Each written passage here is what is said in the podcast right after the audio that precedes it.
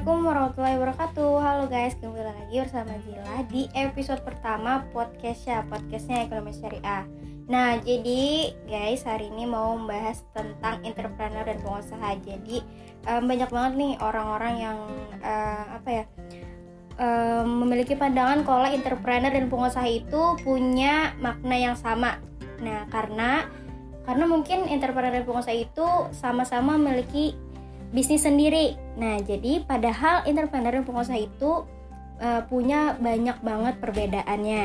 Nah, sebelum nih kita mau tahu nih apa arti dari entrepreneur dan pengusaha, jadi kita hari ini kedatangan kedatangan uh, narasumber atau tamu lah ya dari Ketua Umum Himpunan Mahasiswa Jurusan Ekonomi Syariah um, Kak Zikri. Halo Kak. Halo. Gimana nih kabar Kak hari ini? Alhamdulillah baik. Oke, jadi Kak Zikri ini angkatan angkatan berapa Kak?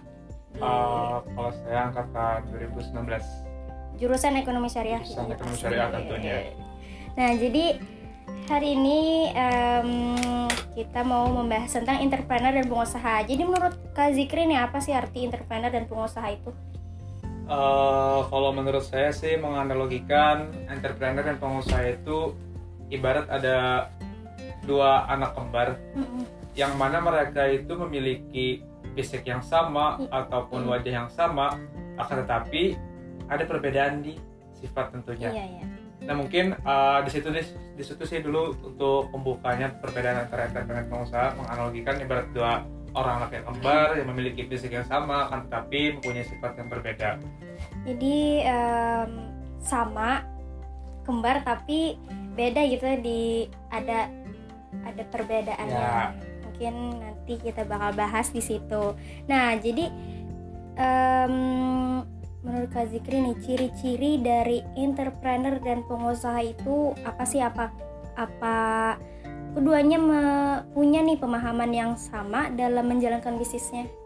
Oke, uh, untuk itu sih menurut saya nih untuk mm -hmm. seorang pengusaha, seorang pengusaha memang sih uh, keduanya uh, akhirnya nanti melakukan yang sama itu berbisnis, akan tetapi yang perbedaan mendasar di sini adalah value daripada keduanya. Mm -hmm. Seorang pengusaha itu biasanya mereka melakukan bisnis bertujuan untuk mensejahterakan ataupun yeah. me, apa sih namanya itu mensejahterakan ataupun merealisasikan atau me, menjaga kestabilan daripada finansial mereka. Yeah. Nah mungkin kalau hanya seorang entrepreneur tujuan mereka berbisnis itu tidak hanya sekedar penghasilan, akan tapi ada value yang lebih, misal uh, tentang ada tujuan yang mereka mereka capai ataupun kebermanfaatan yang mereka tuju ataupun perihal ide-ide yang mereka kiranya berimpact kepada masyarakat luas mungkin di situ sih untuk perbedaannya ada value yang lebih daripada uh, seorang entrepreneur dan seorang pengusaha di balik menjaga kestabilan finansial keuangan. Oh iya ya. Nah, jadi uh, entrepreneur ini lebih ke apa ya? Mungkin kalau mungkin pengusaha itu membuka usaha aja gitu kan. Ya. Kalau entrepreneur ini mungkin membuka semi eh ada yang diundang ke seminar atau webinar kayak gitu kan Kak Zikri? Mungkin yeah. begitu kan tapi di sini uh, maksudnya di sini adalah seorang entrepreneur dan pengusaha itu bedanya di mindset sih kalau menurut saya kalau menurut saya nih seorang entrepreneur seorang pengusaha dia mindsetnya toh perjuangan aja gitu kan uh, uh. kalau seorang entrepreneur ada tujuan yang ingin mereka yeah. capai di balik bisnis mereka kayak yang kayak membuka reseller eh kayak gitu nggak sih atau uh, reseller itu jatuhnya ke entrepreneur juga kan tapi ini misal di sini kan kayak mereka uh, ada problem shopping misalkan Gojek nih contohnya contohnya Gojek. Nah itu mereka tidak hanya berbicara tentang bisnis akan tetapi mm. memberikan kemudahan daripada ah, orang-orang ah, lain. ya, yang dibutuhkan sama masyarakat sekarang. Ya. nah jadi tadi udah disebutin apa itu entrepreneur dan pengusaha perbedaannya. Jadi bisa nih ke Zikri lebih spesifik perbedaan dari entrepreneur dan pengusaha Oke, yang pertama uh, apa ya? Menurut saya nih di tujuan. Nah, kan sebagaimana di awal tadi bahwasanya entrepreneur pengusaha itu memiliki tujuan yang berbeda.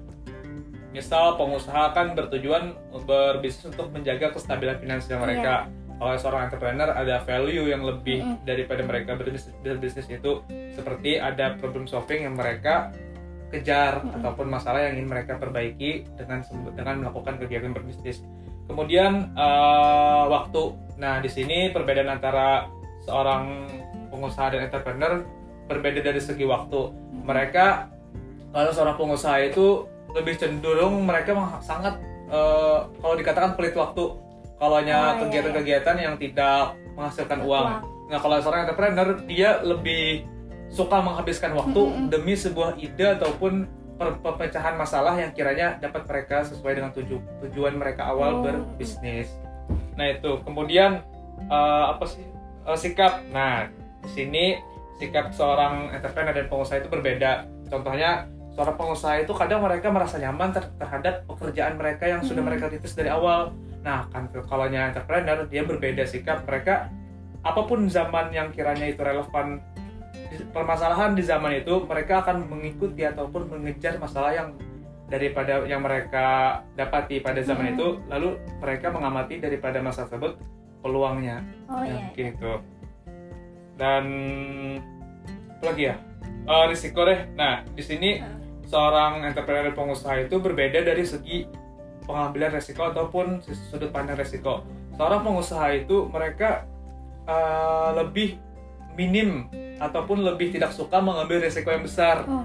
Nah, kalau seorang entrepreneur, dia berani mengambil risiko yang besar demi tujuan ataupun value yang mereka kejar hmm. pertama tadi. Dan yang terakhir uh, apa sih? Selanjutnya tuh ide. Nah, seorang entrepreneur uh, berbeda dengan terhadap ide. Nah, seorang entrepreneur pengusaha itu berbeda dengan cara pandang mereka tentang ide. Nah, di sini seorang pengusaha biasanya mereka uh, mengikuti ataupun apa sih namanya mengikuti daripada perkembangan zaman. Misal hmm. apa yang lagi tren saat itu. Yeah. ya lebih tepatnya mereka follow the market. Nah kalau seorang entrepreneur itu berbeda terhadap ide mereka uh, melihat sebuah permasalahan daripada zaman tersebut lalu mereka mencari peluangnya timbullah ide daripada uh, aktivitas bisnis mereka dan dijadikanlah itu peluang. Lalu jadi jadinya mereka itu build the market itu sih hmm. perbedaan dari segi ide. Dan yang terakhir uh, mungkin perbedaan tekanan formal saya itu adalah definisi sukses dari keduanya. Nah seorang pengusaha dia mendefinisikan suksesnya itu bagaimana keuangan ataupun finansial mereka itu tetap stabil. Tapi seorang entrepreneur itu mendefinisikan sukses mereka bagaimana value yang value yang mereka tuju dari awal itu tercapai dan bagaimana uh, perjalanan bisnis mereka yang mendefinisikan sukses mereka itu sendiri.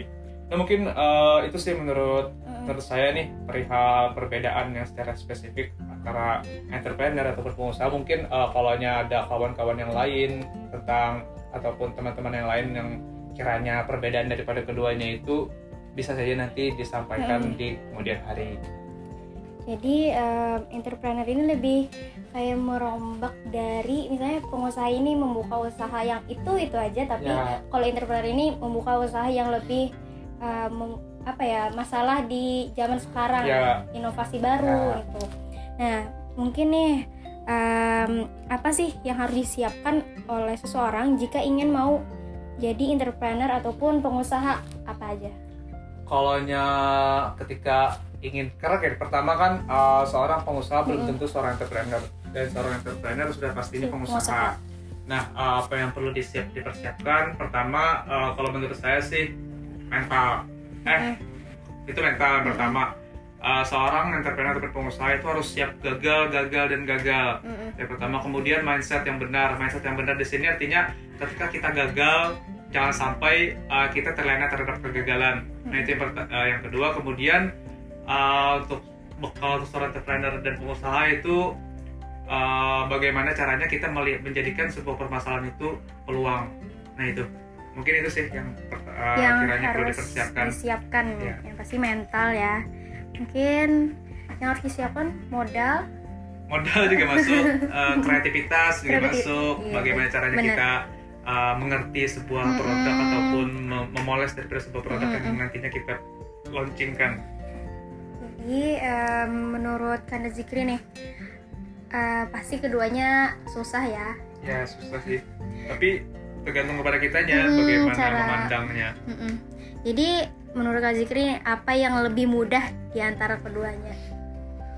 Hmm, kalau mudah keduanya gak ada yang mudah Mm-mm. itu yang pertama karena eh, apalagi kan seorang pengusaha yang mulai dari nol bagaimana Mm-mm. dia eh, melihat sebuah pasar bagaimana dia menentukan sebuah produk yang ingin mereka jual ataupun entrepreneur bagaimana mereka melihat masalah itu menjadi peluang.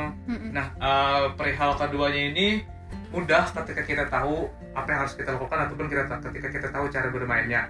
Tetapi akan menjadi sulit ketika kita tidak tahu apa yang kita lakukan ataupun ketika kita menghadapi sebuah masalah kita langsung ah susahnya. Nah mungkin uh, itu akan menjadi susah bagi baik yang itu ingin jadi pengusaha ataupun itu dia bercita-cita menjadi entrepreneur nah mungkin itu sih Jadi em, Kak Zikri milih mana nih sebenarnya entrepreneur atau pengusaha?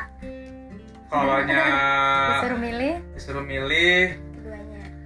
kalau disuruh milih keduanya sih karena Kalau Kan- disuruh milih. kan posisi saya kan ini Mm-mm. sebagai mahasiswa juga masih mungkin uh, di tahap mahasiswa ini bagaimana caranya dulu kita melihat uh, apa sih bagaimana caranya dulu kita membuat produk kita ini kiranya diperlukan daripada Mm-mm. seluruh masyarakat. Nah kalau nah itu mungkin uh, pertama bertahap dulu menjadi pengusaha dulu mem- memain bagaimana caranya mengikuti pasar, bagaimana caranya uh, follow the market, bagaimana caranya ketika market di sini bagus kita ikutin produk yang kiranya diperlukan market kita buat nah baru nantinya ketika kita uh, naik kepada derajat seorang entrepreneur yaitu ketika kita melihat sebuah masalah itu menjadi sebuah peluang Mm-mm. gitu.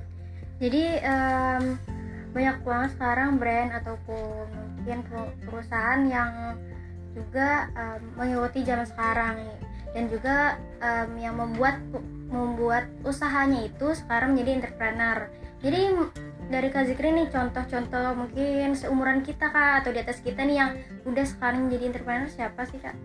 Oh, kalau saya itu melihat tertarik uh, kepada Julio Julio founder bisa ekspor Tahu?